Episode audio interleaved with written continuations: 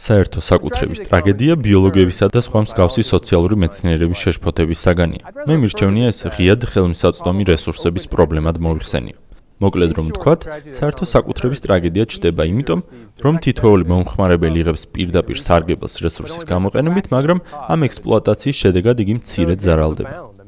ამის უამრავი მაგალითია. ეს შეიძლება იყოს გადაშენების პირას მყოფი აფრიკული სპილოები, ამაზონის ტროპიკული ტყეების გაჩეხვა, სოფლიოს მასშტაბით თევზსაჭერებში გადამეტებული თევზჭერა, ან ზედმეტი თევზჭერა პატარა ტბებში, თუნდაც აქ.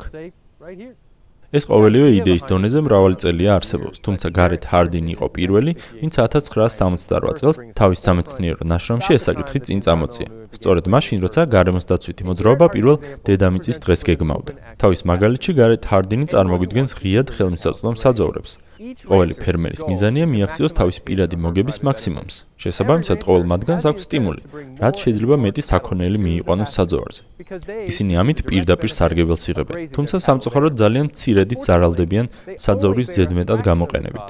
შედეგად, ფერმერებს უფრო და უფრო მეტი ძროხა მოყავთ მანამ, სანამ საძოვარი არ განადგურდება და გამოუსადეგარი გახდება. სხვა სიტყვებით რომ ვთქვათ, ფერმერების პირადი ინტერესები იწვევს საძოვრის საბოლოო განადგურებას.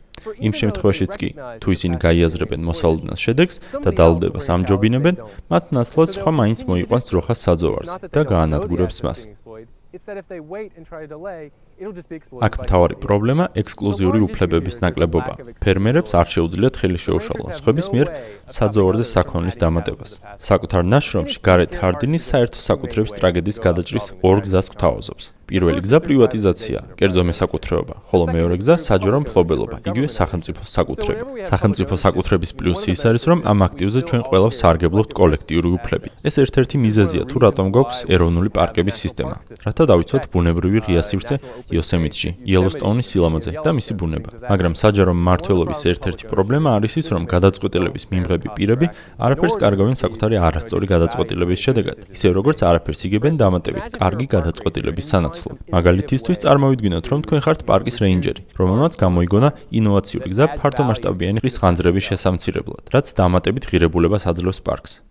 თქვენ ვერ მიიღებთ აქედან პირდაპირ სარგებელს. არც თქვენი და თქვენი თანამშრომლების ხელფასი გაიზრდება. თუმცა ამ პრობლემას აგვარებს კერძო მესაკუთრეობა. ამ შემთხვევაში გადაწყვეტილების მიმღები საკუთარ თავზე იწუნებს როგორც ცუდი, ისე კარგი გადაწყვეტილების შედეგებს.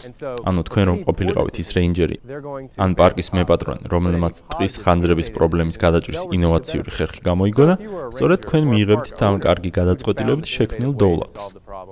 Forest fires then you would receive the stream of value from that good არ არსებობს ღიად ხელმისაწვდომი რესურსების პრობლემის მარტივი გადაწყვეტა, რომელიც ყველა შემთხვევას მოერგება. მაგრამ ჩვენ ვიცით, რომ წვდომის შეზღუდვა იმის უზრუნველყოფა, რომ მესაკუთრეები თავად დაგებდნენ პასუხს თავიანთ გადაწყვეტილებებზე, გვაძლევს შესაძლებლობას კონცენტრირდეთ ღიად ხელმისაწვდომი რესურსების თავარ პრობლემაზე.